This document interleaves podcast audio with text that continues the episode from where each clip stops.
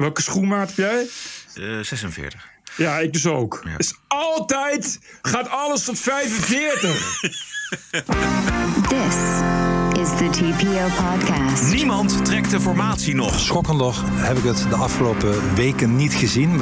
Biden wil nieuw COVID-onderzoek naar Chinees laboratorium. We also know that just a few miles away from that food market is China's only biosafety level 4 super laboratory. Steenrijke oprichter Black Lives Matter stapt op, maar blijft verbonden met de onderdrukten. I feel deeply connected to ja. uh, say the underdog, to marginalized communities. Ah. Easy now. Aflevering 256. Ranting and Reason. Bert Bresson. Roderick Phalo. This is the award-winning TPO podcast. Vrijdagochtend 28 mei. Goedemorgen Bert. Goedemorgen Roderick. Good morning. Good morning. Zo. De zomer is begonnen hier. Laten we eventjes over het weer. Heel korte update over het weer. Namelijk dat de Oh. zomer is prachtig weer en het blijft de komende dagen ook heel erg mooi. De schaduwkant is dat de, waar ik heen ga in Zuid-Duitsland, daar ligt nu het front. Sneeuw. Eh, Oh. En daar gaat het binnenkort sneeuwen inderdaad. nee, ik, zoek, ik zoek precies op het verkeerde moment de verkeerde weer op. Wat is de voorspelling dan? Regen. Terwijl het hier net hebben we de regen gehad. ja, En dan gaat dan zeg je eindelijk droog op. Juist. Ja mannetje, je verdiende loon. Juist. Laten we meteen eventjes met die formatie beginnen, want daar is veel Ja. over te doen. Want eh, informateur Mariette Hamer, Partij van de Arbeid, die heeft die politieke partijen nou wel gehoord en ontvangt vandaag weer een trits aan maatschappelijke organisaties die in Nederland natuurlijk echte dienst uitmaken. Zij zitten aan klimaattafels, allerlei overlegjes, zitten tot in de nok toegevuld met subsidie en worden nu ook door Hamer uitgenodigd om te vertellen welke kant het nou echt op moet met Nederland. Later mag een coalitiekabinet dat gaan uitvoeren en de oppositie trekt het helemaal niet meer. Er zijn meer mensen in Nederland die het niet meer trekken. Eh, Geert Wilders is er bijvoorbeeld zo één voor de camera van Ernst Lieshouwer. Schokkender heb ik het de afgelopen weken niet gezien. Mevrouw Hamer heeft dus net gezegd dat zij vindt dat in een nieuw regeerakkoord... dat daarin opgenomen moet zijn eh, drie belangrijke dingen voor haar. Eén, de duurzame samenleving. Twee, de ehm, ehm, inclusieve samenleving. En drie, de internationalisering. Alsof, want ze is van de Partij van de Arbeid, zoals u weet... alsof links en de Partij van de Arbeid de verkiezingen hebben gewonnen. We krijgen niet nu in Nederland een kabinet of een regeerakkoord... wat gaat over het beperken van de immigratie... eh, strenger straffen voor eh, criminelen... eh, een beter eh, pensioen eh, voor onze ouderen... of het terugwinnen van onze soevereiniteit van die vreselijke Europese Unie. Nee, Gisteren waren namelijk op bezoek bij mevrouw Hamer, de Stichting Natuur en Milieu, de Nederlandse Vereniging van Duurzame Energie, Natuurmonumenten en de Stichting Goh. Urgenda. Goh. En die zetten de lijnen uit voor een duurzaam Nederland. En dan, ja. eh, eh, Nou, terecht, want Nederland heeft massaal en dan ook echt massaal PvdA en GroenLinks gestemd. ja. Oh nee, wacht. Nou, dat is natuurlijk de grote frustratie van niet alleen Geert Wilders, maar een hoop mensen. eh, dat het, het toch weer over links gaat op deze manier. Met dank Maar aan hoe? Mariette Hamer. En hoe, inderdaad. Dus ik denk, maar ik denk toch dat, dat de VVD en het CDA dat niet, niet trekken. Ik denk, ja, het hangt ook een beetje af van hoe graag Rutte dat kabinet wil. Want hij wil heel graag natuurlijk nog vier jaar premier worden. Dus Ja. dat kan hem over de streep trekken. Maar ik kan me toch niet voorstellen, Bert, dat CDA en VVD dit eh, gaan uitvoeren. Dat, dat, Nou, dat ze de les laten lezen door deze organisaties. Luister eens, in Nederland kan alles. Ik zou sowieso waar. nooit, nooit zeggen. Ik bedoel, eh, laat, je vooral, laat je vooral verrassen. Maar kijk, eh, CDA en, en VVD, zeker VVD, hebben natuurlijk te maken met een achterban... eh, waar ze zich ook aan moeten verantwoorden. Ja. Dus dat is natuurlijk wel een, een dingetje wat nog gaat komen. En, en verder, ja, kijk wat, wat Hamer doet. En, en eh, dit soort organisaties uitnodigen is natuurlijk ook. Ja, dat hoort natuurlijk bij, bij het spel. Het is, het is ook een vorm van intimidatie, zou ik maar zeggen. Intimidatie van wie naar wie dan? Van eh, de, de PvdA naar, eh, naar andere partijen, maar ook naar Rutte. Namelijk van, luister eens, als je met ons in zee gaat... laten we niet zomaar de kaas van het brood eten. Wij hebben belangrijke punten en wel deze. En, en daar eh, eh, is maar de vraag, inderdaad, of Rutte daarmee akkoord gaat. Want Maar ja, wa- wat een rare macht van een Partij van de Arbeid opeens. Bedoel, Met zo'n eh, informateur. Je zou zeggen dat is er dan een- Ja. een, een- iemand die boven de partijen staat. nee, Partij van de Arbeid heeft niks gewonnen, niks verloren, maar staat op, geloof ik, negen Yep. zetels. Stelt hij niet zoveel voor. En die gaat eens eventjes de dienst uitmaken. Even- Ja, nou, welkom bij de Nederlandse Ja. democratie. Ja. Ja. Dan moet je ook geen eh, een, een, eh, informateur van, eh, van, van de PvdA nemen. Maar ja, je, kijk, je komt natuurlijk altijd uit... wat is een onafhankelijke informateur dan? Ja, Herman Tjenk Willing. Ja. Maar- ja, ook ook nee, maar ik vind- Arbeid, maar ja. Ik vind, Hamer is natuurlijk een hele rare keuze. Maar ja, het is, dat is natuurlijk wel een PvdA. Dus er komen daar inderdaad dit soort, dit soort mensen op bezoek. Maar goed, eh, eh, dit, is natuurlijk, dit zijn natuurlijk allemaal lobbyisten. Die komen vertellen wat ze willen als er een kabinet is. En dat gebeurt natuurlijk bij eh, andere partijen. Ik neem aan dat de werkgeversverenigingen en Unilever ook gewoon bij eh, Rutte op bezoek komen. Om te vertellen wat ze willen in een kabinet Rutte. Maar het is natuurlijk onderdeel van het geheel. Eh, en, en, maar dat maakt een, een eventuele coalitie natuurlijk niet makkelijker op. Ja. En het gaat dan niet zo goed tussen eh, Mark Rutte en Sigrid Kaag. De chemie is niet echt geweldig. Het bleek uit een stuk van de uh, telegraafverslaggever Wouter de Winter. Ja. Uh, Kaag was uh, vorige week in de, in de ministerraad. Er was een botsing tussen Kaag en Rutte over Israël. Stef Blok Goh. die kwam met een update over de ontwikkelingen in Israël en de Palestijnse gebieden. toen dat nog oorlog was. En toen wilde Kaag nog wel even wat nuances aanbrengen in het Nederlandse standpunt. En daar werd Rutte zo pissig over. Het was buitengewoon fel, vertelt een ooggetuige. En wat de sfeer betreft was dit niet alleen uh, maar inhoudelijk, maar ook persoonlijk. Oei. Ja. Oei. En meerdere betrokkenen stellen dat de D66-minister na het onderwerp Israël de vergaderzaal verliet. Oei, oei, oei, ja. Later in de vergadering kwam Rutte terug op het incident, kennelijk geschrokken van de ophef. Hij vermeldde toen naar verluid dat Kaag helemaal gelijk had, waarna de gemoederen weer tot bedaren zijn gekomen. Jezus, heeft hij uh, ineens gaan knielen en bukken? Na, en... na de juiste, juiste gesprekken heeft hij toch maar even bakcel gehaald. Nou ja, dit kan dus erop duiden dat Rutte natuurlijk met zichzelf te maken heeft... en met zijn eigen standpunten en met de verdediging van Stef Blok in dit geval. Mm -hmm. Maar dat hij ook heel graag dat kabinet wil. En dat hij ook weet dat hij met Kaag dat moet doen. Want Kaag is natuurlijk een van de, een van de winnaars. Hij moet dat met Kaag doen. Ja, hij moet wel. Dus als Kaag maar hard genoeg op de tafel slaat... dan gaat Rutte om. Want hij ja. wil te graag. Ja. En dat, nou, weet, dat, dat weet Kaag ook. Dat blijkt. Nou ja, dat, maar goed, dat gaat hem nog heel veel moeite kosten, omdat hij dus ook, ook, ook een achterban heeft. Ja. Uh, die, daar, uh, die, daar, die daar iets van vinden. Sowieso gaan mensen er iets van vinden. Dus je kan wel heel veel willen. Maar ja, bovendien, ja, dan wordt zij uh, wat vicepremier of zo. Ja, dat wordt ze zeker. Dus, dus, dus ja, ik bedoel, dan wordt ze de tweede, tweede man in Nederland. Dus de, en dat is. kon nog wel eens. sorry, vrouw. dat, ja. Hen, schuine streep, zij. Ja. Uh, en dat kon nog wel uh, lastig dan worden als je daarmee moet samenwerken. Uh, zeker in iets als Israël, waarvan natuurlijk duidelijk is waar, waar de loyaliteit van Kaag ligt. Ja. Die is getrouwd met een Palestijn. Palestijns ex-politicus. Dus ja, dat, dat, dus, dus dan wordt het al snel persoonlijk. Dus dat kon nog wel eens voor vuurwerk gaan zorgen. Om nog maar te zwijgen over stabiliteit. Ja, maar, dus maar, niet, ja, maar niet ja. alleen bij dit onderwerp, Bert. Het, het, is, Nee. het, het is dus, hier worden eventjes de piketpaaltjes gezet. En hier worden ego's neergezet. Juist. Van kijk eens eventjes. Juist. Je kunt bij mij tot zover gaan. En, en hoe ver kan ik bij jou? Juist. Ja, dus dat, is, kan, een, dat kan ook wel eens een vechtkabinet worden. Nee, precies. Het is, uh, dat wordt niet per se uh, stabiel of zo. Het kon nog wel eens uh, moeilijk gaan worden door, ja. de, door, de hele lijn, door de hele lijn door. Ja, kijk, en dat is natuurlijk het nadeel ook van D66. Dat je met een soort dan weer links, dan weer rechtspartij zit. Terwijl je natuurlijk met VVD en CDA op sommige standpunten per definitie op rechts zit. Ja. En daar is het bij, wordt het bij D66 moeilijk. En dan kijk dan iets als Israël.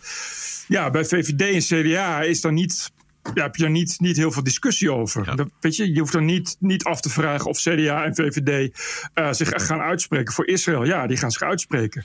D66 niet. Ja, en, en, en dat is lastig als dat, je, als dat je derde grote coalitiepartner is. Al helemaal als je activistische partijen hebt als, als, als PvdA en helemaal GroenLinks. En dan zie dan maar eens met één mond te spreken. Ja, dat wordt heel lastig.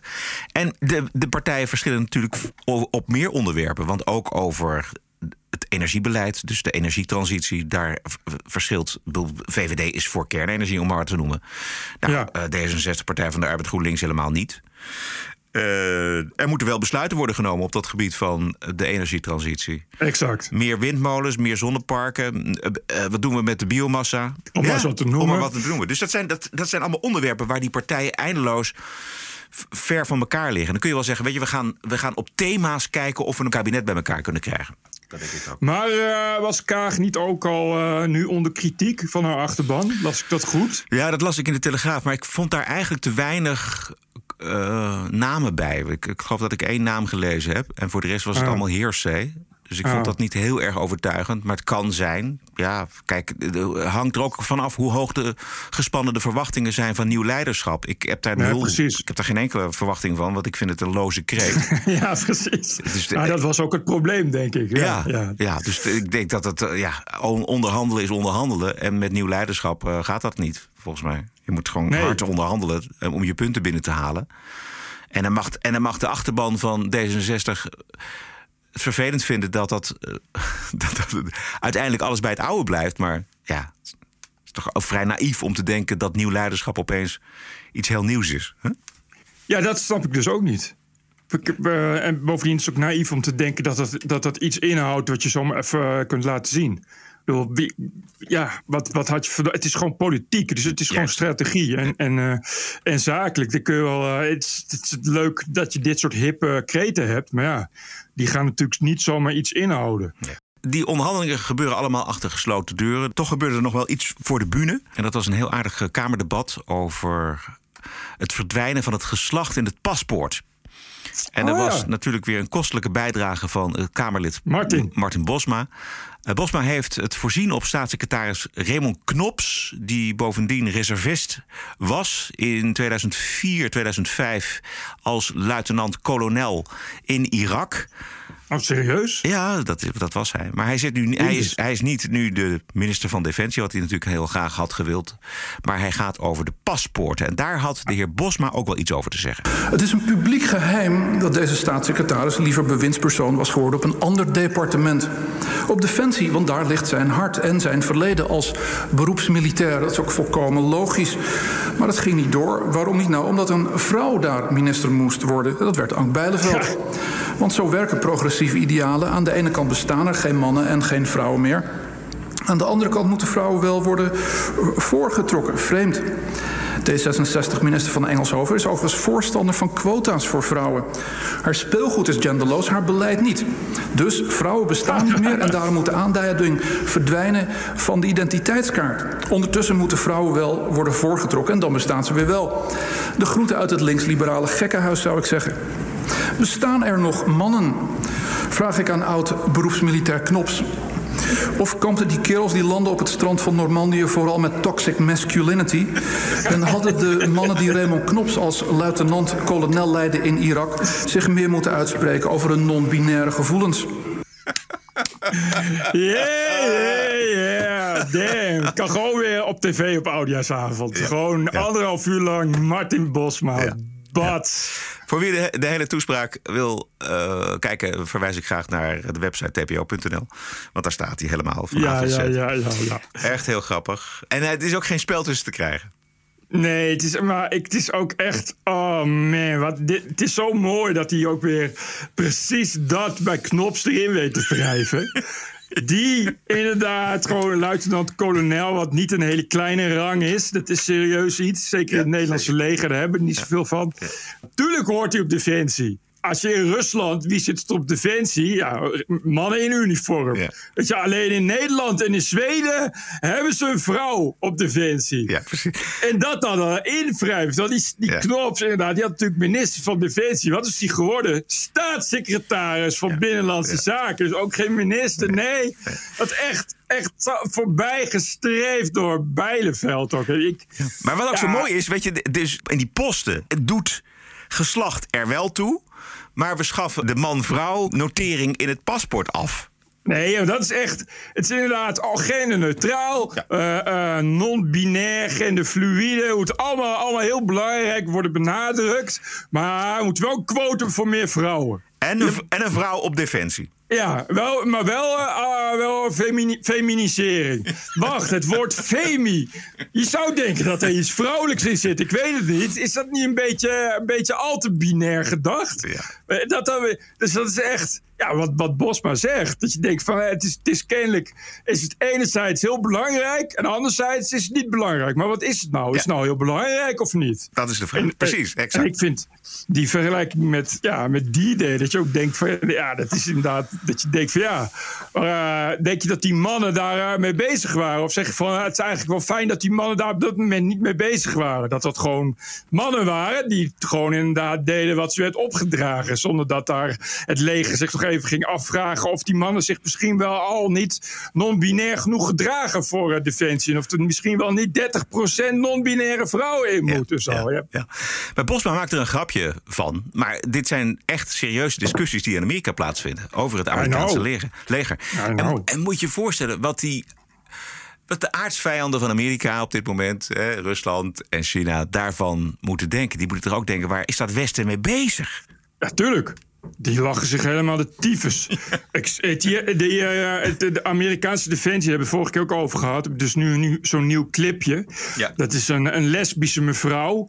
Die uh, ja, met, met, uh, ook echt met regenbogen en glitterponies en zo. En die wordt dan, die wordt dan iemand die Patriot-raketten afvuurt. Met als boodschap dat je als lesbische vrouw kun je heel goed Patriot-raketten afvuren. Dus kom bij Defensie of zoiets. dus, die heeft iemand een, een collage van gemaakt. Met een propagandafilmpje van het Russische leger. En dan zie je dus, ja, eigenlijk twee minuten lang een hele grote gespierde, stoere man. die de meest gespierde, stoere dingen doet.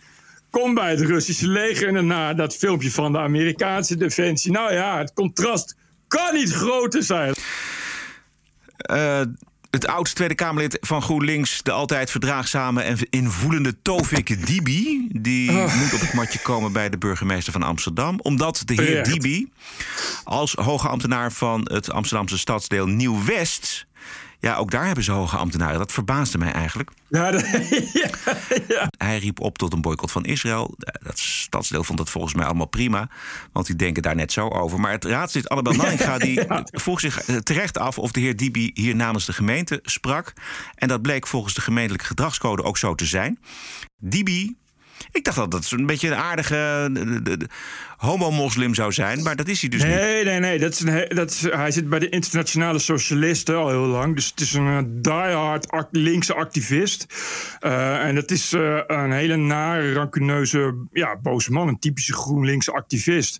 En vooral op Twitter is die al niet onbesproken. Hij heeft al eerder heeft hij problemen gehad door de meest ranzige tweets. Waarvan hij dan zelf en nu ook weer altijd zegt van ja, maar het is nou eenmaal binnen de context. En dat hoort nou eenmaal zo. En uh, dat is de taal van Twitter. En dat zal me wel. Maar ja, je bent gewoon ambtenaar. Er zijn, uh, dat heeft Annabel Nannega heel goed gezien. Ja. En die moet dat ook. Wel, Annabel Nannega is ook niet onbesproken. Maar die heeft sinds uh, in de politiek zit, houdt hij zich gewoon heel netjes aan de regels. waar ze veel kritiek op krijgt. Mensen zeggen, je had altijd zo'n grote bek op Twitter. En nu doe je heel braafjes. Ja, leuk en aardig. Maar je bent ambtenaar en dan gelden de regels. Die, uh, het is nou eenmaal zo dat je kunt zeggen: ik heb vrijheid en vrijheid van meningsuiting. Maar die gelden niet voor iedereen. Die gelden wel voor iedereen. Maar als je ambtenaar bent in functie, dan moet je je aan strengere regels houden dan gewoon normale burgers. Omdat als je iets gaat twitteren, het ook afstraalt op, uh, ja, op, de, op, op de gemeente die je vertegenwoordigt. Of de politiek die je vertegenwoordigt. Ja, de gemeente vooral. De gemeente, ja. Hij is uh, ook mijn hoge ambtenaar in Nieuw-West, weet je wel? Exact, exact. Ja. Dus je kan niet zomaar alles twitteren wat je wil. Precies. En dan zeggen van ja, maar ik heb vrijheid van meningsuiting. Dat heb je ook, maar je zult rekening mee moeten houden met, uh, uh, ja, met, met het omveld waarin je nu zit. En de baan die je hebt. En als je, als je je graag wil uitspreken, dan moet je een andere baan zoeken.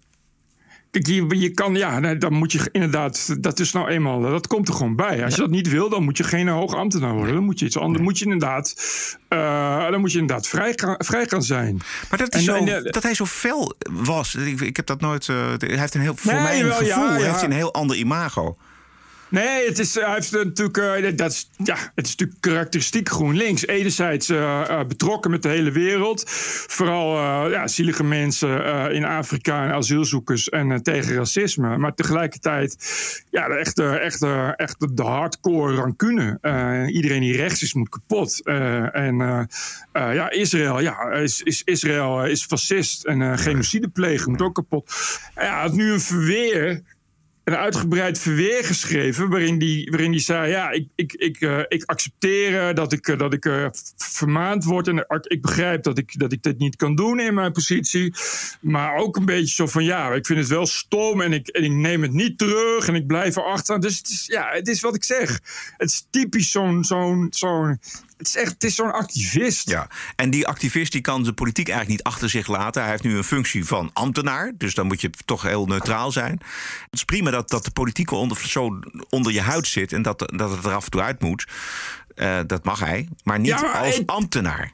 Het is, het is gewoon, ja, het is gewoon zo'n typisch hysterisch Arabier verder. Ja. dat, dat, ja, en dat is, dat, is, dat is een probleem wat, wat natuurlijk blijft. En dat hebben we natuurlijk meer in. Uh, wat vroeger, uh, ik weet niet of die nog leeft. Fatima Elatek, ja. weet je wel? Ja. Het is precies hetzelfde. Ja, dus, dus, en, en ja, ik moet je eerlijk zeggen dat ik het allemaal niet zo heel erg vind. Hoor. Ik ben uh, voor, uh, voor uh, ruime vrijheid van meningsuiting. Het probleem is dat je natuurlijk als politicus moet je daar rekening mee houden. En dan, dan, ga je gewoon snel de schreef over. En dan moet je niet zeiken. Dan moet je niet zeggen, stom en gemeen. Want, hij, want Tofik Dibi werd dan meteen duidelijk dat het in de richting ging van Nannega. Echt stom dat Nannega, want die wil me kapot maken. Ik, ja, maar Nannega...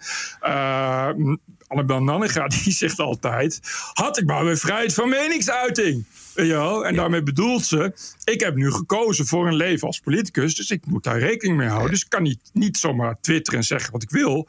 Uh, nou, en dat doet ze heel goed, vind ik. Ik moet zeggen, dat is iemand die, die denk ik, uh, buiten ieders verwachting ineens een hele keurige politica bleek. Wel bespraakt en alles. Ja. ja. nou, dat kost moeite. En dan wil je ook graag dat anderen zich daaraan houden. Dus ja, dan, dan zal hij toch echt dat moeten leren. Vanavond om 7 uur een nieuwe persconferentie van Rutte en de Jonge over nieuwe versoepelingen per volgende week zaterdag. En zoals het er nu naar uitziet, cafés, restaurants en musea mogen weer open.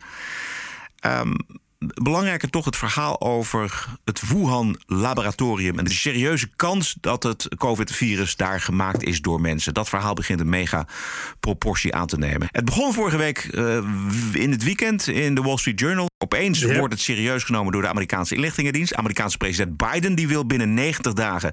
een nieuw rapport van de Wereldgezondheidsorganisatie. En nu vraagt iedereen ja. zich af, waar was de pers? Ja. En waarom is daar geen verder onderzoek gedaan door het journaal? Alleen Fox News zat er achteraan. Gaan we zo meteen horen. Maar de rest van de media lustte het laboratoriumverhaal niet. Vooral omdat het voor president Trump natuurlijk een serieuze yep. optie was.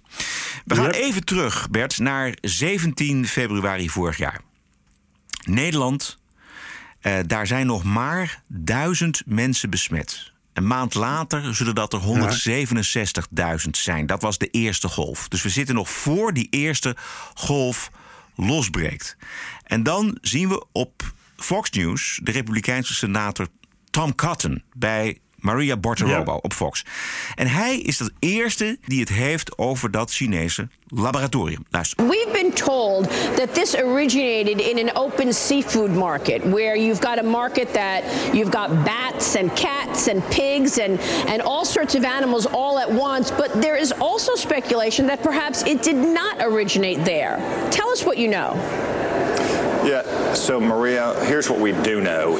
This virus did not originate in the Wuhan animal market. Epidemiologists who are widely respected from China, who have published a study in the international journal The Lancet, have demonstrated that several of the original cases did not have any contact with that food market. So we don't know where it originated, but we do know that we have to get to the bottom of that. We also know that just a few miles away from that food market is China's only biosafety level 4 super laboratory laboratory that researches human infectious diseases. Now, we don't have evidence that this disease originated there, but because of China's du- duplicity and dishonesty from the beginning, we need to at least ask the question to see what the evidence says. And China right now is not giving any evidence on that question at all. So, so this super lab that you refer to, this super lab is the only one of its kind in this area in Wuhan in the province uh, that, that that area. And and what do they do at the super lab it's unclear, Maria. Uh, we have such laboratories ourselves in the United States run by our military, in large part done for preventative purposes. We're trying to discover vaccines or to protect our own soldiers. China is obviously very secretive about what happens at the Wuhan laboratory. We don't know, again, where this virus originated. That's why it's so important that we at least ask the questions and get the evidence. Juist. Bewijzen komen er waarschijnlijk niet, zullen er nooit komen, maar de druk op China wordt nu wel opgevoerd. Dit is dus 17 februari 2020, dus meer dan een Ja. jaar geleden. En Tom Cotton, die later in de New York Times een, een artikel publiceerde over Black Lives Matter. eh, waarop eh, eh, de editor van de opiniesectie van de New York Times moest opstappen. Oh, Want Tom, ja. Tom Cotton, dat is deze Tom Oh, ja. Cotton. Het is inderdaad een, een vrij harde rechtse houtdegen. Maar ja, maar ja dat geeft wel aan. Hoe, hoe moeilijk het Shania destijds had met alles wat in de buurt van Trump kwam. Exact. Ik, ik zag op Twitter zag ik John Roberts, dat is een, een, een, een witte huisverslaggever van Fox. Ja, Een- ja, iemand ja, van on- onbesproken gedrag, echt journalist puur sang. En die zette een paar headlines uit die tijd Yes. op een rij. NPR schreef: Wetenschappers debunken de theorie van laboratorium. Eh, Washington Post, senator Tom Cotton blijft de coronavirus samenzweringstheorie herhalen die al lang tegengesproken is. Dat Dit, was, dat was dit, dit. fragment. En dan hadden, oh, was, hij noemde ook nog fact-checkers van Polyfact. Ja, ja, Eh. Gast van Tucker Carlson heeft het over een samenzweringstheorie die al lang is tegengesproken. De claim is onjuist en belachelijk. En ik, ik weet wel welk gesprek dat is, welke gast dat is. Dat is namelijk die Chinese laborante. Die gevlucht Ja. is naar Amerika. Ik heb het fragment niet omdat ze onverstaanbaar Engels spreekt. Eh, maar zij heeft, ondertiteld en wel, bij Tucker Carlson op Fox dus uitgelegd dat het wel degelijk uit dat laboratorium moet komen. Ja, en eh, ik, ik, vind echt. ehm, nu al zie je dat de media daarin echt een. Ja, niet, niet eens meer dubieuze rol hebben gespeeld, maar een kwaad, kwaadaardige rol. Als gaat blijken, hoe dan ook, dat het inderdaad uit een laboratorium komt, dan eh, ja, kun je, wel, eh, kun je wel, denk ik, tegemoet zien naar, laten we zeggen, toch op zijn minst een of andere eh, hearing in, in, in de Senaat. Over hoe, hoe de media daarmee om zijn gegaan. Want nu blijkt dat er juist wel heel veel aanwijzingen voor zijn. En, en, en dat dat gewoon genegeerd is, dat het gewoon weggeduwd is. Maar, en niet alleen door de wetenschap, maar bewust door de media. En het heeft er dus echt alle schijn van dat het te maken heeft met Trump. Ja. Die dat nu ook zelf eh, heeft je daar nu mooi uitgebreid op gereageerd. Hij is, direct heeft hij daar garen bij gesponnen. En daar heeft hij best wel een beetje gelijk in, denk ik. Maar dit is zo'n schandelijke houding van de, eh, ja, ons métier. Waarom het aan ons hart gaat dat journalistiek zo partijdig is. En we hebben het natuurlijk eerder in Europa gezien bij de hele. eh, bij Merkel, weet je wel, de immigratie eh, in 2015. Toen was de, de pers ook helemaal op Merkel. En wilden ze he- helemaal niks weten van dingen die misgingen tijdens die enorme eh immigratiehoos. Maar dat is kwalijk, want het gaat... Extreem kwalijk. Ja. Stel je voor hè, dat, dat, dat, dat, dat het bewezen wordt dat het uit een lab komt. Dan heb je dus over een man-made virus. Laten we vanuit gaan dat het man-made is. eh, waardoor miljoenen mensen aan zijn gestorven. En, en, en, en onvoorstelbare schade. Dan heb, je de, en dan heb je dus als media heb je daar dus misschien bewust over gezwegen. En dan Ja, heb je, heb je een, een mega-event van de eeuw heb je gemist. Absurd. Ja, dat is manipulatie van de bovenste plank. Je gaat bijna denken dat het, dat het collusion met China, met China is. Weet je, dat is. Dat is wat je dan gaat krijgen. Het is, Daar- het- daar- het is in ieder geval collusion tegen Trump. Dat is het sowieso. Nee, als, als gaat blijken dat het waar is... en als gaat blijken dat, je, dat, die, dat die pest daar echt bewust... Hè, op die manier mee bezig is geweest... het is natuurlijk complexer dan dat... maar het heeft in elk geval de schijn van... dat daar, dat daar bewust, bewust is gedownplayed ja, ik denk dat dat wel zoveel schade gaat op, opbrengen voor de pest. Dat dat niet meer, dat komt niet meer goed. Dat wordt tegelijkertijd ook het schandaal van de eeuw. Naast, naast de pandemie van de eeuw. Ja. Hmm. Uh, nog los van, van. Ja, dat wordt dan oorlog met China of zo, weet je. Maar dat, en, en dat is natuurlijk het, precies het punt. Die gevolgen zijn zo groot dat je die pest kun je dan niet meer in negeren. Die moet je er dan ook bij betrekken. Als je, als je gaat zeggen tegen China: jullie hebben dit gedaan en we gaan, we gaan jullie verantwoordelijk houden voor de gevolgen, dan kom je automatisch ook bij de dubieuze rol van de pers uit. Ja. Ik las sowieso gisteren al ergens een enorme longread. Dat met een leestijd van 50 minuten. Uh, maar dat was een, eh, echt een heel goed stuk. Uh, ook van een, van een bekende journalist. Die minutieus uiteenzet. nou, wat, welke, wat er is gebeurd. en ook welke argumenten tegen, vooral pro, er zijn voor die uh, lab theorie Ja. En dat is wel verontrustend uh, en verbijsterend. Ik zal hem even linken op de site. Ja. Maar dat is toch wel, daar zijn toch wel echt hele goede argumenten voor inmiddels. Kun je er noemen? het aantal besmettingen dat plotseling in de buurt van dat lab ontstaat. en belangrijk is dat als je statistisch gaat kijken hoe groot de kans is dat zo'n virus uh, uit, een, uit een lab ontsnapt. Overigens een lab waarvan al eerder bekend was dat daar veiligheidsproblemen zijn. Of dat zo'n lab toevallig in de buurt van zo'n van zo'n lab, uh, dat zo'n virus toevallig in de buurt van zo'n lab ontstaat. Als je daar statistische getallen op loslaat, is de kans dat dat dus inderdaad uit zo'n lab komt vele malen groter dan dat het daar toevallig ontstaat. Ja. Uh, en dat, dat één. En twee, bijvoorbeeld, dat er dus goed gedocumenteerde gevallen zijn van mensen die ineens daar in het ziekenhuis terechtkwamen met hele ernstige klachten, die wel erg veel verdacht lijken op luchtwegklachten, die je ook bij, bij COVID-19 ziet. Hoe groot is de kans dat er toevallig mensen zijn die in de buurt van zo'n lab wonen of daar werken en daar ineens tegelijkertijd met z'n allen dat soort ernstige klachten uh, over krijgen? Ja. ja, en dan als je dat allemaal erbij gooit in je, in je statistische optelsom, dan komt er iets heel anders uit uh, dan het is toevallig zomaar in een vleermuis ontstaan ergens op een voedselmarkt ergens in de buurt van Wuhan. Die kans is vele malen kleiner dan dat het, ja, het is inderdaad ontsnapt uit een laboratorium in Wuhan. Fascinerend hoe dat verhaal van die vleermuizen erin gegaan is, hè, als koek bij iedereen. Het was, nou daar ging het ook over. Dat, dat was, wat dat betreft is de publiciteitsactie van de Chinezen natuurlijk heel erg uh, geslaagd geweest. Ik zag ook uh, een beeld van mensen uit het Westen door China in Wuhan om te komen kijken, et cetera. Die zijn ook in dat laboratorium geweest.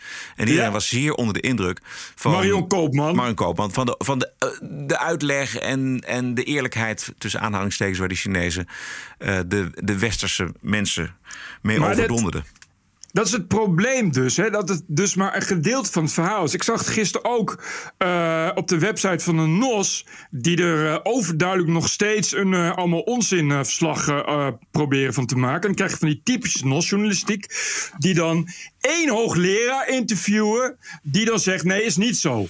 En dat was het. Ja. Ja, het, probleem, het probleem is wat je hebt. Dit was een hoogleraar, ik geloof... Uh, virologische, ja, hoe zeg je dat ook alweer? Nou ja, virologische deeltjes kunnen, laat ik het even zo zeggen. Uh, dus wel iemand die er verstand van heeft. Alleen het is, nog, het is gewoon een mening. Het is niet een, niet een wetenschappelijke conclusie. Het is een mening van een hoogleraar. Ja. En dat is, die zegt van ja, maar als het door de man gemaakt zou zijn, zou je uh, manipulatie van genen alleen op, selectie, alleen op specifieke plekken aantreffen. En wat we zien is dat het uitgewaaid is door het hele genoom.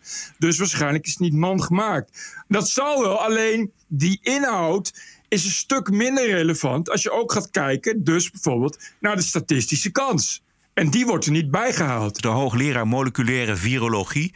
Moleculaire virologie. Ja, precies. Ja, en nou, nou ken ik toevallig een hoogleraar die ook verstand heeft van dingen op moleculair gebied. En die zei ook van ja, eh, ten eerste zit er mening, geen, in, geen wetenschap. Iedereen heeft een mening, dus je moet je vooral niet blind staren op dat er een hoogleraartitel voor staat, dat dan die mening ook waar is. Eh, en in de tweede plaats is het verder niet relevant in dit verhaal. Leuk, leuk dat, je, dat, je dat, inhoudelijk, dat je dat inhoudelijk zegt, maar je, het heeft verder geen relevantie als je gaat kijken naar waar het vandaan komt. Ja, het stuk van de NOS heet ook waarom het, de labtheorie weer opduikt. Dus waarom... Ja, en, en, en ik heb het helemaal gelezen. En aan het eind van het artikel hoor je duidelijk het gevoel te krijgen van... nou, het is allemaal weer onzin ja. dat het nu weer wordt opgeraakt. Ja. Misschien dat was, is echt ja. slechte manipulatieve journalistiek. Zal ik, het eh, even, zal ik even eh, voorlezen wat hij zegt? Ja, ja, ja. De, eh, laatste vraag is dan, valt er wel uitsluitsel te geven over de oorsprong van het virus? En dan zegt hij, bij het eerste SARS-virus hebben we ook nooit achterhaald wat de exacte bron was. Het meest op het SARS COVID-2-gelijkende virus dat in vleermuizen is aangetroffen, komt voor 96% genetisch overeen. En dan uiteindelijk zegt hij: eh, misschien was het wel alleen aanwezig bij een enkele kolonie van vleermuizen in een afgelegen grot. Zij stuurt helemaal weer terug op dat vleermuizenverhaal. Nee, maar ook, ook misschien iets, maar daar heeft hij net zoveel verstand van als jij en. Ja. Dat weet je namelijk niet. Ja, dat zou kunnen, maar ja, dat schiet natuurlijk niet op op die manier. Nee. Als u voor het eerst luistert en denkt: wat is dit? Dit is de TPO-podcast. Een eigenzinnige kijk op het nieuws en de nieuwsmedia. Twee keer per week, elke dinsdag en elke vrijdag. 100% onafhankelijk, want zonder reclame en zonder een cent subsidie. The award-winning TPO podcast. Wat is het jou waard? Een euro per aflevering? 104 euro per jaar? Of kies zelf een bedrag? Waardeer en doneer op tpo.nl slash podcast. De TPO-podcast. Wat is het je waard? Laten we het over uh, Black Lives Matter hebben. Want uh, de medeoprichtster, een van hen, Patrice Cullors, die heeft gisteren haar vertrek aangekondigd. De getrainde marxiste die houdt er een levensstijl op na, die niet erg in lijn marcheert met de gelijkheidsdoctrine van de beweging nou, zelf. Je kan ook zeggen die juist wel in, in lijn marcheert met, wat, uh, met, met andere marxisten. Ja, precies. Typisch, typisch marxisme, zeg maar. Ja, ja, ja. Maar in theorie dan niet, maar in de praktijk dan weer wel. Uh, zij toont bovendien met haar huizen in Los Angeles en de Bahama's aan dat uh, zwarte Amerikanen uh, helemaal geen slachtoffer hoeven zijn. Weet je wel? Dus dat is ook nog eens vervelend voor Black Lives Matter. dit is de oude Patrice, zullen we maar zeggen, nog voordat ze het kapitalisme ontdekte. I feel deeply connected to, say, the underdog, to marginalized communities, because I lived it firsthand as a young person growing up in a working class poor family witnessing my single mom have to really be a single mother um, and witnessing my my my father and my brother be in and out of prison dit is ook klassiek zij groeit op bij de moeder, de alleenstaande moeder. De alleenstaande moeders zijn over, over, over vertegenwoordigd bij de, de zwarte gemeenschap, bevolking. precies in Amerika. Zowel broer als vader hebben in de gevangenis gezeten. Um, I think that really impacted me both personally. But once I became an activist, I realized, oh, this is a much bigger system, and I can shape that system, and I can be a part of a movement that shapes that system. Ze zegt dat ze uh, vertrekt bij Black Lives Matter om zich beter te focussen op het schrijven van een boek en een deal die ze gesloten heeft met een tv-maatschappij. Goh, je zou haast denken dat ze zegt: Ik vertrek omdat ik meer kan verdienen bij iets anders. maar zou je denken hoor, wat natuurlijk totaal niet in lijn is met haar koopgedrag van luxe villa's. Dus dat uh, ja. zal dan wel niet. Het zal dan wel echt uh, betrokken, uh, betrokkenheid zijn. Ze zal haar geld ook wel weggeven hè, aan de arme zwarte bevolking. Ja, dat is heel, een enorm groot bezwaar in Amerika. Ook al hangt heel erg samen met de populariteit die Black Lives Matter al heden ten dagen uh, ondervindt. Want die, die populariteit is ver terug. New York Times heeft daar een uitgebreid uh, stuk yep. over gemaakt. Die hebben een mooie grafiek. En dan zie je dat uh, voor George Floyd zijn dood al de boel richting een piek ging, naar een hoogtepunt. Maar op het moment dat de vreedzame demonstraties begonnen, gaat die populariteit enorm snel naar beneden. En nu zit die populariteit een jaar voordat George Floyd vermoord werd in Minneapolis. De, de, de impact die die beweging lijkt te hebben als je kijkt naar de media, die, die valt reuze mee. Over een jaar is die weg. Ja. Dit is, maar dat is echt. eh, eh, je zag ook eh, die piek. Het is een hele gave grafiek. Ja. Het was eerst gewoon gemiddeld. Het fluctueert een beetje zo. En en de afgelopen jaren gaat het natuurlijk iets omhoog. Omdat ja, Black Lives Matter was natuurlijk al langer bekend. En dan komt George Floyd. En dan zie je echt een piek. Nou, stel omhoog. En dan zie je, ja, iets, een paar maanden later zie je die piek gewoon weer stel naar, naar beneden. eh, richting, richting het einde, richting eh, de nul. Ja. En dat toont al wel aan natuurlijk ook hoe eh, ontzettende hype het is en hoe hypegevoelig dat is. En hoe natuurlijk mensen daar. ik denk dat eh 80% van die mensen die daar stonden te demonstreren, die zijn nu gewoon weer terug met, met de dingen waar ze altijd al mee bezig waren. En dat is niet Black Lives Matter. Wat ze goed hebben gedaan, Black Lives Matter, is dat ze op die piek geld hebben verzameld. Eh, Black Lives Matter heeft zelf gezegd dat ze in een jaar tijd 90 miljoen dollar hebben binnengehaald. Ehm, maar hoeveel daarvan naar de marxistische leiding van de beweging gegaan is, dat, is, dat, dat maken ze dan weer niet bekend. Het is toch zo grappig, hè? Dat je, eh, eh, dat je inderdaad, dat de, die Marxisten, is het ineens probleem waar dat geld dan heen gaat. Dat je denkt, dat zal wel één op één naar goede doelen gaan, maar kennelijk niet. Eh, terwijl ik las vanmorgen een stukje in de krant. Het is een, een van een jonge mil- miljardair, die is 26.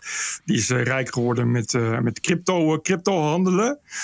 En die geeft dus inderdaad al zijn geld weg. Die, zei, die toen heel jong, dat is natuurlijk een hoogbegaafd type, die eh, heel jong al eh, met, eh, op de beurs begon. Daar zie ik geloof ik als voor het eerst rijk mee geworden. En toen dacht hij, oh, crypto is een stuk beter. En die dacht van, ik heb één drijfveer, dat is rijk worden. En waarom? Omdat ik nou eenmaal weet dat als je rijk bent, dat je dan ook echt iets kan betekenen voor goede doelen. En die, die, die, ja, die wordt steeds rijker, omdat hij dat ook daarna meteen weer weg heeft, de goede doelen. Ook echt inderdaad dierenwelzijnsorganisatie. En heeft ook gedoneerd aan eh, Joe Biden.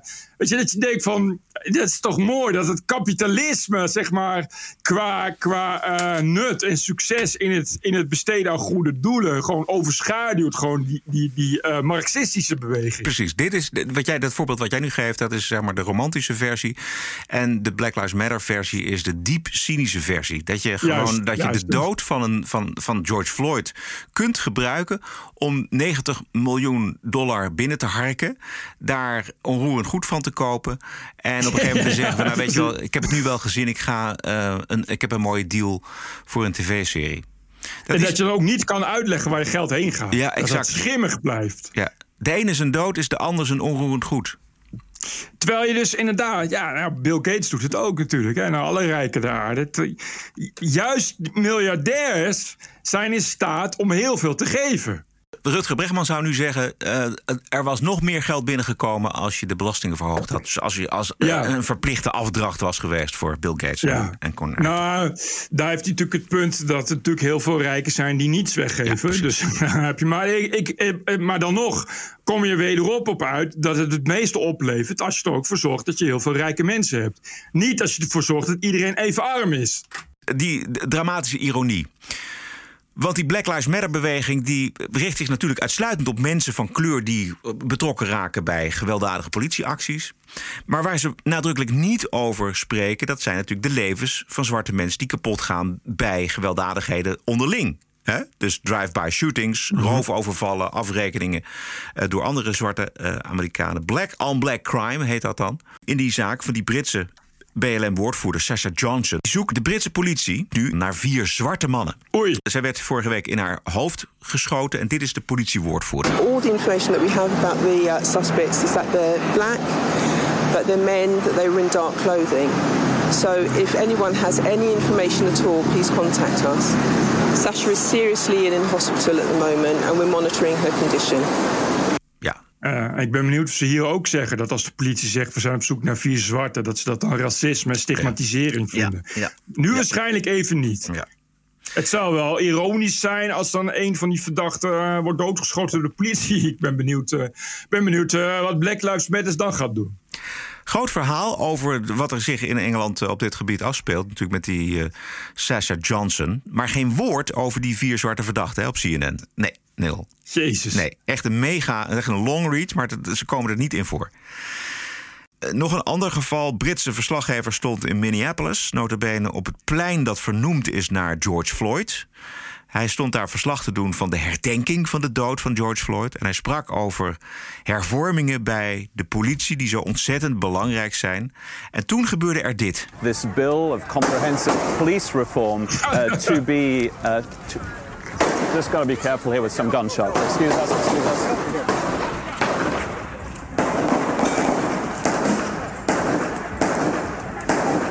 It sounds like gunshots. I'll let you know what this Ja, is. dit- zeker is het zo. These seem to be gunshots.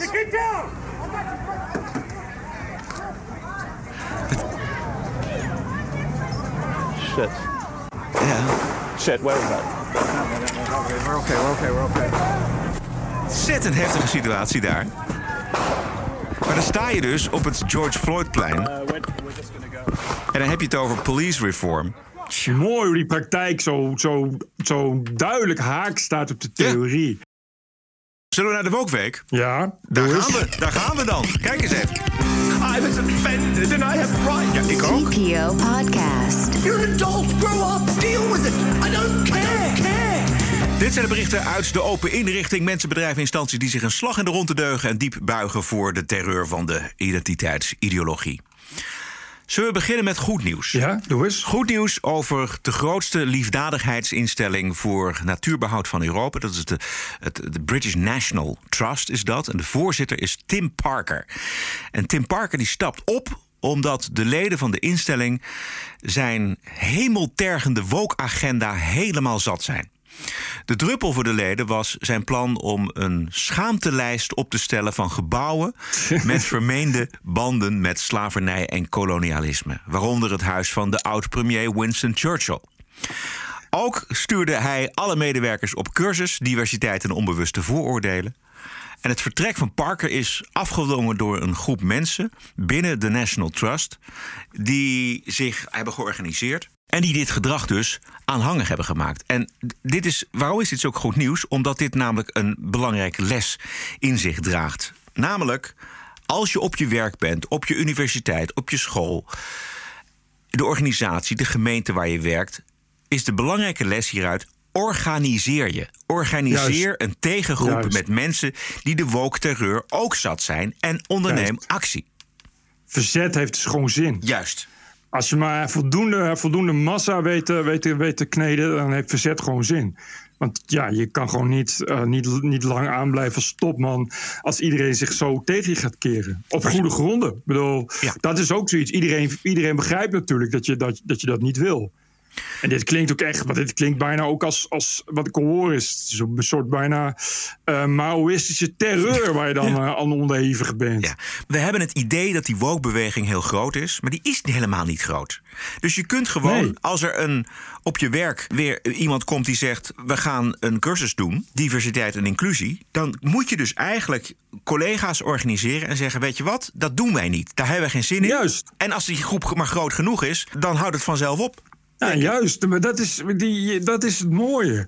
Je kan wel, eh, eh, ik noem eens wat, op je nieuwsredactie... allemaal eh, mensen willen dat ze allemaal naar een brainwash-cursus gaan.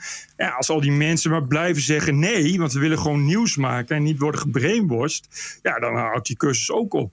Dus ga niet iemand inhuren voor nul personen. Nee. Dus je, je moet daar gewoon, maar dan moet je je wel laten horen. En ik heb het idee dat toch te weinig mensen van zich laten horen. Of denken van ja, dit is allemaal oké. maar het is helemaal niet oké. Het, het hoort gewoon niet bij je werk. Als je op een nieuwsredactie werkt als journalist, hoort het niet bij je werk eh, dat je een cursus eh, onbewuste vooroordelen krijgt. Dat, dat hoort gewoon niet. Daar moet je gewoon tegen verzetten. Precies. En dan wordt er gezegd: ja, de redactie moet een afspiegeling zijn van de samenleving. Dat moet helemaal niet. Dat staat nergens. Er staat Nou, ner- was dat zo, dan is leuk. Dat is eh, voer voor human resource. Wat, heb- wat heb jij daaraan mee te maken als journalist? Precies. Dan moet je, moet je andere mensen, mensen met andere huidskleuren aannemen... of uit andere culturen. Dan heb je als journalist niks mee te maken. Moet je niet gaan zeggen... ja, maar eh, je moet op cursus... want eh, dan komt iemand vertellen hoe kwetsend het is... als je grapjes maakt over Chinezen. Dat, dat hoef je niet... bedoel, daar, daar ben je geen journalist voor geworden. Dus ja, dat is gewoon raar als mensen zich daar niet tegen verzetten. dat moeten ze gewoon doen. Juist, doen. Het is, het is, die woke-beweging is zo klein. Als je kijkt naar uh, wat die NPO-uitzending over George Floyd aan kijkers Ja, heeft getrokken. 77.000. Dat is onvoorstelbaar, jongen. Het is 77.000. Dat, is, dat had niet eens uitgezonden mogen worden bij de NPO. Precies. Normaal als je dat hebt bij de NPO, dan eh, eh, word je meteen weer van de zender afgegooid. Kom in actie dus, dat is de, zeg maar de Nou boodschap. ja, ik, de boodschap is dat die woke-beweging eh, marginaal is. Alleen wordt versterkt door social media en, eh, en andere eh, media. Maar dat je daar dus heel makkelijk kun je dat omduwen. En dan moet je dat wel gaan doen. Ja. Maar dan moet je inderdaad organiseren. En gelukkig gebeurt het ook steeds meer. Kijk, wij doen het. En Ik eh, las, eh, eh, ik hoorde dat uh, Wie Duk doet het ook in zijn podcast. Telegraaf is natuurlijk een, een uitstekende, uitstekend middel voor. Die, die doen het ook. Ik zag dat een hilarische mislukking, maar toch van de nieuwe omroep Ongehoord Nederland. Ze hadden ook geprobeerd een item te maken over woke. dat was niet zo succesvol, tenzij je van satire houdt. Maar goed, het idee is er. Eh, satire. dat, ja, onbedoelde satire. Maar het idee is er dat mensen dat, dat mensen dat doen. Dus nou ja, dat is, gewoon, dat is gewoon goed. En dat kun je gewoon volhouden. En daar kun je heel makkelijk ook aan meewerken. En ik denk dat er gewoon ook best wel veel weerklank is. Als je eh, op je werk dat soort dingen meekrijgt. Als je op je werk weer zo'n kutmailtje krijgt. eh, via het internet vol met dat soort gelul. Dat je ook eens kunt zeggen: Ik vind het allemaal maar shit. Waarom, waarom krijg ik dit toegestuurd? En ik denk dat dan heel veel mensen zeggen: Ja, ik durf het eigenlijk niet te zeggen. Maar ik vind het eigenlijk ook wel. Precies, dat is inderdaad de angst houdt mensen stil en, en, en doet men conformeren. Dus dan, dan, zitten daar volgens mij 80% van de mensen in zo'n cursus die denken: wat doe ik hier in godsnaam? Maar omdat niemand het zegt, zich niemand uitspreekt, weten we mensen van elkaar niet hoe Juist. en wat. En dat moet dus veranderen. Het is jammer als de woke-beweging helemaal om zeep wordt geholpen. Want het is namelijk Ja. ontzettend leuk en populair onderwerp in de TPO-podcast. Maar dat hebben we er graag voor over. Ik denk, ik ben er toch wel langzaam van overtuigd dat het uit kan sterven. Ja, dat denk ik ook. Dat het, kijk, het communistenjagen van McCarthy kon ook uitsterven. Weet je, dus, dus dit kan ook uitsterven. Deugen van, van grote bedrijven. Dat is echt iets wat een hype is. Wat, je, wat, je, wat straks ook weer gaat verdwijnen. Ja. ja, omdat uiteindelijk toch het geld het Juist. belangrijkste is. Ja. Ja, continu maar eh, vertellen hoe, hoe blij je bent met je diversiteit. Ja, daar hebben mensen wel weer een keertje gezien. En, ja. eh, uiteindelijk gaat het natuurlijk blijken dat je producten er niet beter door verkopen. Ja. En dan, dan wordt het belangrijk. En ik, wat ook helpt volgens mij is natuurlijk omdat het gewoon intrinsiek niet werkt. Hè? De- de- de- Precies. het hele deugen levert niet een betere samenleving op voor gemarginaliseerde groepen. Zo'n Zini Usdeal die zegt van, weet je, de, de mensen die mij het meest hebben tegengewerkt, dat zijn de blanke progressieven. Het zijn dezelfde holle termen die een kaag uit over nieuw leiderschap. Het, Ja. het stelt allemaal geen niks voor. Het is gewoon ook, ook voornamelijk onzin, is het. Dat voelen mensen natuurlijk instinctief ook wel aan. Eh, eh, eh, ja, nee, kijk, het punt is dat eh, die consument, die mens bestaat voor 90% uit eh, hele gemiddelde mensen. Die, die niet goed of slecht zijn of, of niet voor of tegen zijn, maar die met de hype meelopen. Nou ja, we hebben het net over die grafiek gehad.